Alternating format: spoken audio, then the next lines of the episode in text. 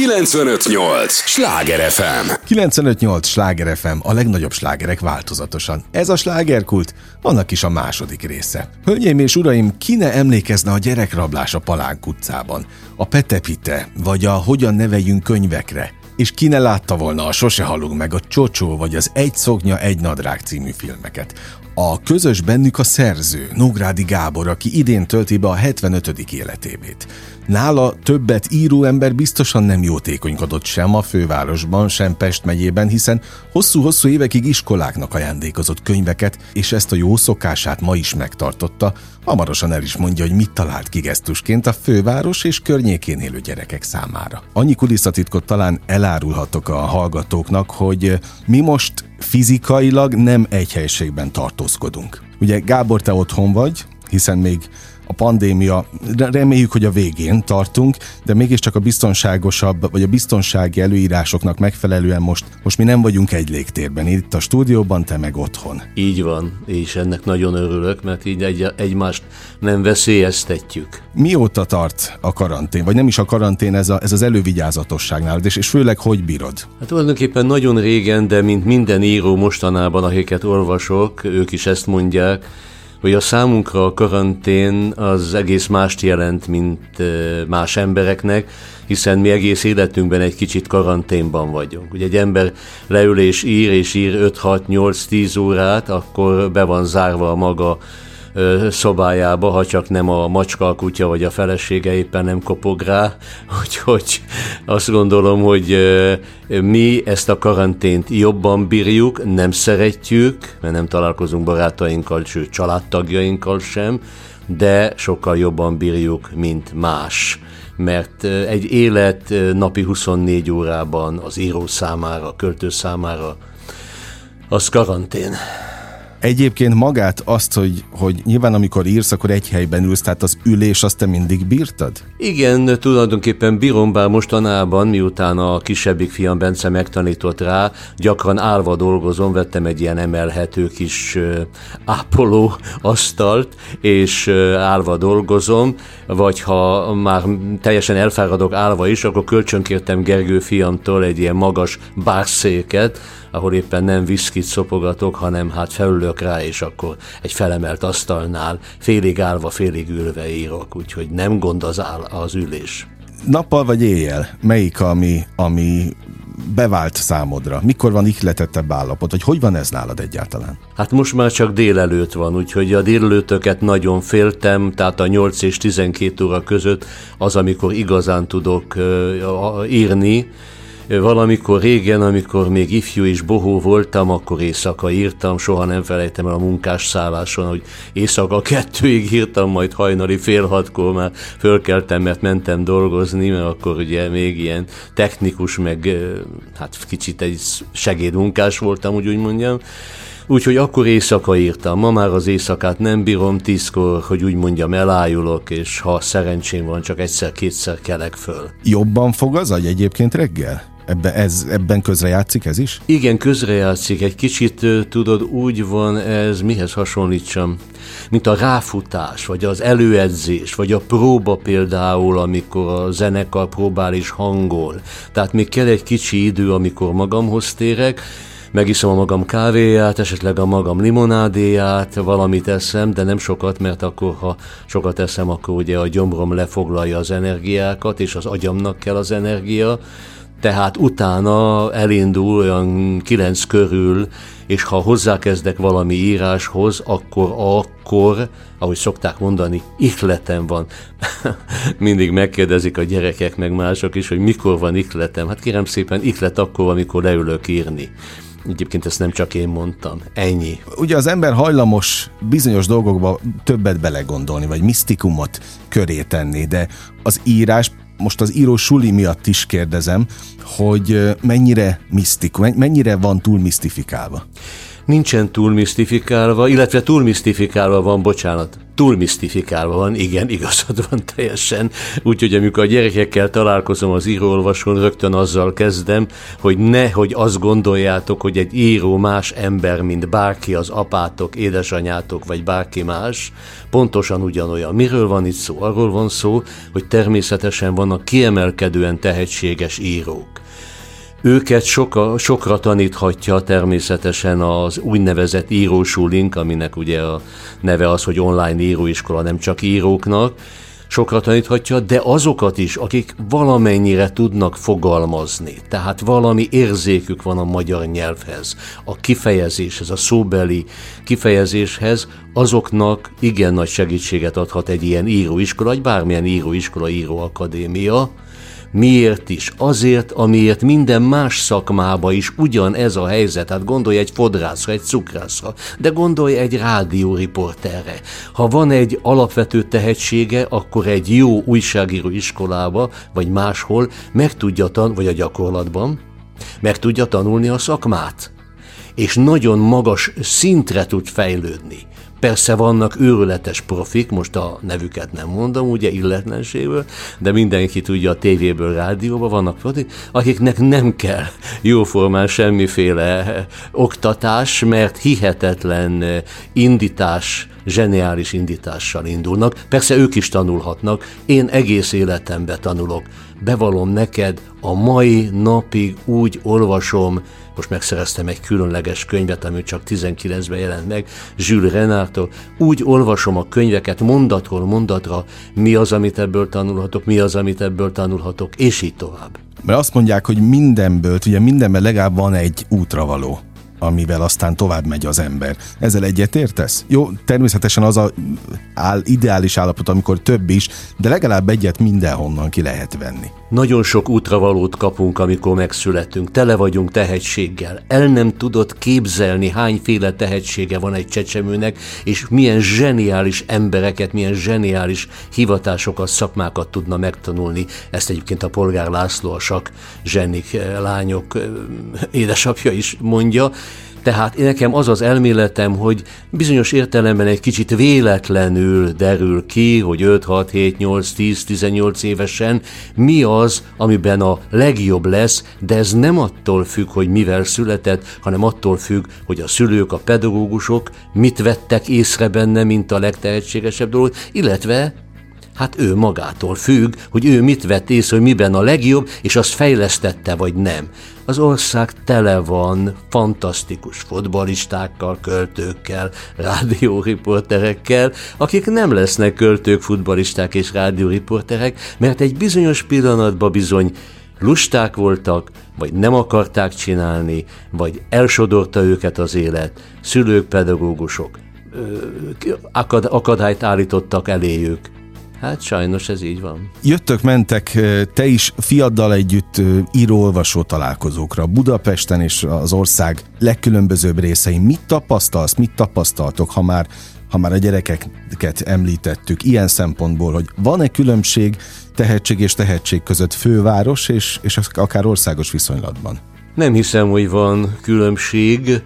Azt gondolom, hogy ha, hát ha különbség van, az csak az, ez egy fura lesz, amit mondok, hogy tudod, aki mélyebbről jön, az fura módon néha magasabbra megy magasabbra ugrik. Tehát olyan, mint a, mint a parafadugót, ha lenyomod a vízbe, minél mélyebbre dugod, annál magasabbra ugrik a víz felszíne fölé.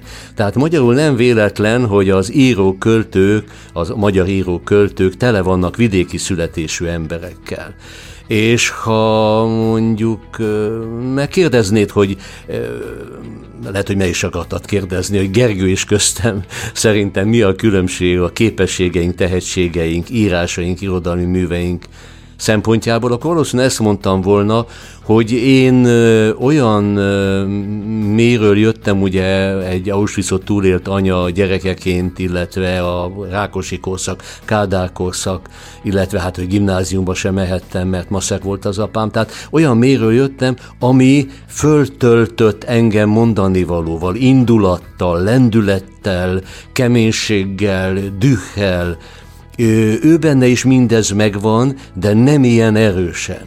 Tehát ő más ír, másféleképpen ír. Gergő és Bence és mind a ketten ugye írók, másképpen írnak, nincs bennük akkora belső, hát, hogy mondjam, harag, ellenállás, düh, lázadás. Ami egyértelműen kell a, a, az, az igazán nagy és mély művekhez? Kell.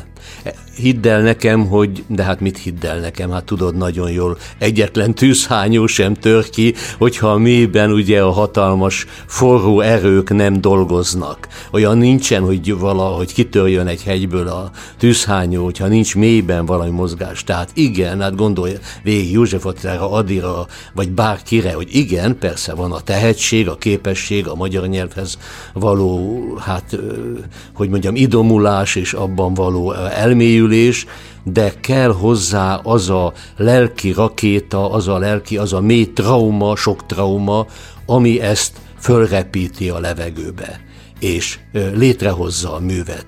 Igen, valami kell.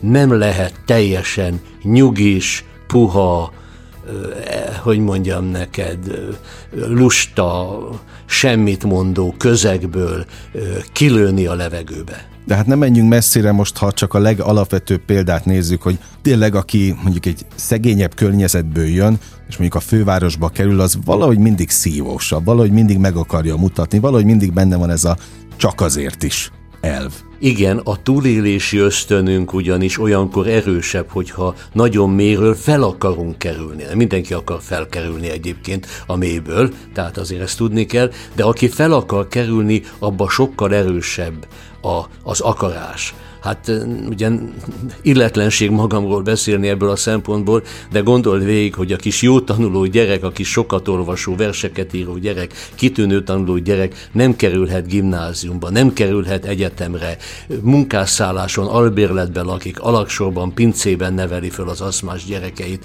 tehát azért az, ez, ez, ez adott egy hatalmas lendületet, mert ki akartam törni, de Előfordulhatott volna, hogy nem akarok kitörni, és bizony ma is valamelyik lakótelepi lakásban a kis fizetésemből próbálnék, nyugdíjamból most már, próbálnám magamat fenntartani.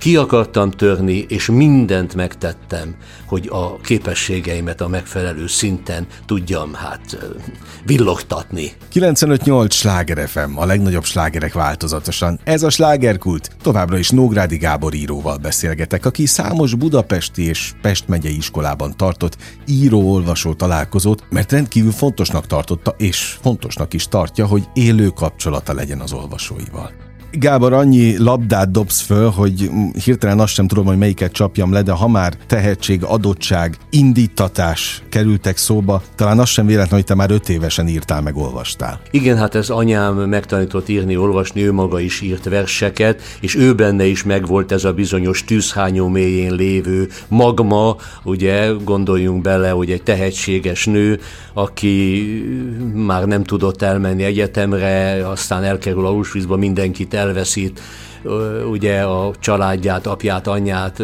testvérét, egyedül visszajön egy hálóinkbe jó formán, ugye? Tehát ő ezt a gyereket, ezt a Gabikát, ahogy ő nevezi, ezt ő nagyon sokra tartotta, és olyanra akarta nevelni, amilyen ő nem lehetett. És a naplójában, amit írt nekem a halála előtt, 30 évesen elhunyt, a halála előtt abba írja, hogy milyen sokat számít rám, és mennyire bízik bennem, de ugyanakkor azt is írja, hogy nagyon furcsa gyerek voltál, soha nem sírtál, amikor ott hagytunk egyedül a szobában, egy szobában laktunk csak, hárman. Ott hagytunk egyedül, mert el kellett menni dolgozni. Soha nem sírtál. Miért nem sírtam? Mert már akkor is bennem volt az a hihetetlen erő, amivel legyőzöm a félelmet, amivel a túlélést segítem, ami, hogy is mondja, mind a mai napig működik. Az az energia, amivel feltöltött anyámnak ez az elvárása. De akkor ezek után meg végképp nem értem, hogy miért titkoltad a család előtt, hogy szép író szeretnél lenni. Hát igazából nem titkoltam. Azt mondtam egyszer apámnak, hogy költő akarok lenni, mire azt mondta, hogy meg vagyok bolondulva, mert abból nem lehet megélni, ebbe igaza is van. Valami normális szakmát szerezzek, hogy meg eltartsam magam és a majdani családomat, és aztán ez így is alakult. Debrecenbe egy technikumba mentem, építőipari technikumba, de hát ugye tudjuk, hogy, mint az előbb elmondtam, olyan szándékom, motivációm, erőm volt, hogy ebből kiszakadjak, hogy sem a technikum, sem az egyetem hiánya, sem a támogatás hiánya, semmi nem tartott vissza hogy megírjak 50 könyvet, vagy elmenjek 800 írólvasó találkozóra, és mind a mai napig szinte, hogy is mondjam neked, szinte bosszúból, szinte akaratból, el, elhivatottságból, csak azért is. És tudod, mit mondok? Minden kudarc engem még erősebbé tesz. Minden visszautasítás, hiszen kapok visszautasítást bőven. Minden erősebbé tesz. Nem csak én vagyok így, biztos, hogy nagyon sokan vannak Magyarországon, akit a kudarc megerősít. Remélem, minél többen. Szerintem nagyon sokat fognak most ebből a beszélgetésből is hazavinni, tanulni, példát mutatsz az egész életeddel, meg a gondolataiddal is, még itt a Sláger fm is. Egyébként az apropó, ami miatt beszélgetünk, az az, hogy idén leszel 75 éves. Ugye, ahogy néztem nyáron, tehát van még idő, de, de aki ennyi évet megél, ennyi kalandon van túl, mint te, az, és most mondtad ki a lényeget gyakorlatilag, hogy minden kudarc erősít, de az, hogy még te 75 évesen a mai napig tanulni akarsz, és falod te is a könyveket íróként, az azért nagy dolog, mert nem dőlsz hátra. Igen, hát a 75 év mondjuk nem az én érdemem, de hát így szoktuk csinálni, hogy 75 leszek. Én azt gondolom, ezt nem fogom abba hagyni, nagyon bízom benne, hogy egészségileg ez segíteni fog, menni fog, nem lesz problémám vele, és én remélem, hogy mindenki más is Magyarországon borzasztó nagy szükség van rá, mindenki más is, akár a Sláger Rádió hallgató is, soha nem fogják feladni azt, hogy azok legyenek, amik akarnak lenni, azokká váljanak, amikké válhatnak. Ez nagyon-nagyon fontos a jövőre nézve. Ha már a jövőt említetted, ugye nem állsz meg, hiszen rengeteg terv van a tarsolyodban. Az egyik az most az írósuli, az a legfontosabb? Vagy, vagy éppen egy mű, amin dolgozol? Igen, az írósul a legfontosabb. 50 előadást lehet a meghallgatni online a neten. Két hatalmas könyvet írtam az íróiskolának, az írás tanításról. Van vagy 50 feladat, rengeteg hangzóanyag. Tehát azt gondolom, hogy most számomra az, hogy Magyarországon lehetőleg mindenki, akinek egy kicsi tehetsége van, vagy ha nincs, az is tanuljon meg jól, pontosan, szórakoztatóan, hitelesen, hatékonyan fogalmazni. Mert a 21. század az a kommunikáció évszázada. Aki nem tudja megfogalmazni a gondolatait, az nincs, nem létezik. Ez 200 éve nem volt olyan probléma. Ma élet-halál kérdés. Ha már gondolatokat említettél, aki ennyi könyvet megír, mint te, Szóval egy író hogy van ezzel, hogy Neked jutnak eszedbe saját gondolatok a régi műveidből például? Mindenről jutnak eszembe gondolatok, tehát pontosan, amit az előbb említettél, azért olvastam, és azért olvasok, és azért minden egyes mondatnál megállok, még ha bármilyen, hát mondom, egyszerű is, hogy ebből milyen gondolatot lehet kibányászni. Gondold meg, hogy hát írtam ugye egy eszé könyvet, a Kossuthnál jelent meg a megelőzni a jövő című könyvem, aminek az alcíme feljegyzések fiaimnak, abba 200 rövid eszé van, 200 rövid gondolatfutam, és azóta már két millió karaktert írtam le naplóban, illetve a, a, a fiaimnak szóló feljegyzésben, amiben szintén csak gondolat és gondolat és gondolat van. Próbálom valahogy az alapvető, mert hiszen ez a sok gondolat, meg a 200 millió karakter, ez csak arról szól, hogy arra a két-három kérdésre, tudjak válaszolni, amire képtelen vagyok válaszolni, amire, amit minden filozófus, meg minden ember feltesz. Mi értelme az életnek? Miért ugrunk állandóan egymásnak? Agymásnak? Miért vannak háborúk? Miért fokozzák a feszültséget a, a, a, a kormányok, az uralkodók, a vezetők? Ez, ez mind-mind a legfontosabb kérdések, mert tényleg élet-halál kérdés. Ezen kívül még persze egy csomó kérdés van, amit te is említettél, tehetség, meg életút, meg túlélés, meg kudarc, de a legfontosabb kérdés ez a kettő-három, hogy lesz-e jövőnk, lesz az emberiségnek jövője, vagy nem lesz. mindent, mindent aláírok és mindent jogosnak tartok, talán egyetlen egyet, az élet értelmét. Azt, azt nagyon megleptél ezzel, hogy nem tudod megfogalmazni. Nem tudom megfogalmazni, mert nagyon nehéz még megfogalmazni azt is, hogy miért nem tudom megfogalmazni. Egyszerűen nem látom az életnek azt az igazi, ha egyáltalán van neki, szerintem valószínű nincs, azt az egy mondatban megfogalmazható értelmét, sok apró értelme van. A gyerekek, csodálatos volt, hogy felnőtt a két fiam, ahogy, ahogy tényleg a, a, a pincéből, a mélységből, ahogy a Zsoltár mondja, de profundis, a mélységből, ugye aszmat is, az, aszma betegséggel fölnőttek, kiharcolták maguknak. Nem volt nekik se nagy tehetségük, hogy igazából nekem sincsen nagy tehetségem, de a hatalmas energiájukkal és akaratukkal hihetetlen magasra jutottak ezekkel a könyvekkel, mint Gergő az utolsóval, a Brunárral, vagy a Bence a hétköznapi harcosokkal. Tehát e, egy olyan szintre jutottak, ahol biztos, hogy a, az emberek többsége elesik, és elvész, és, és feladja.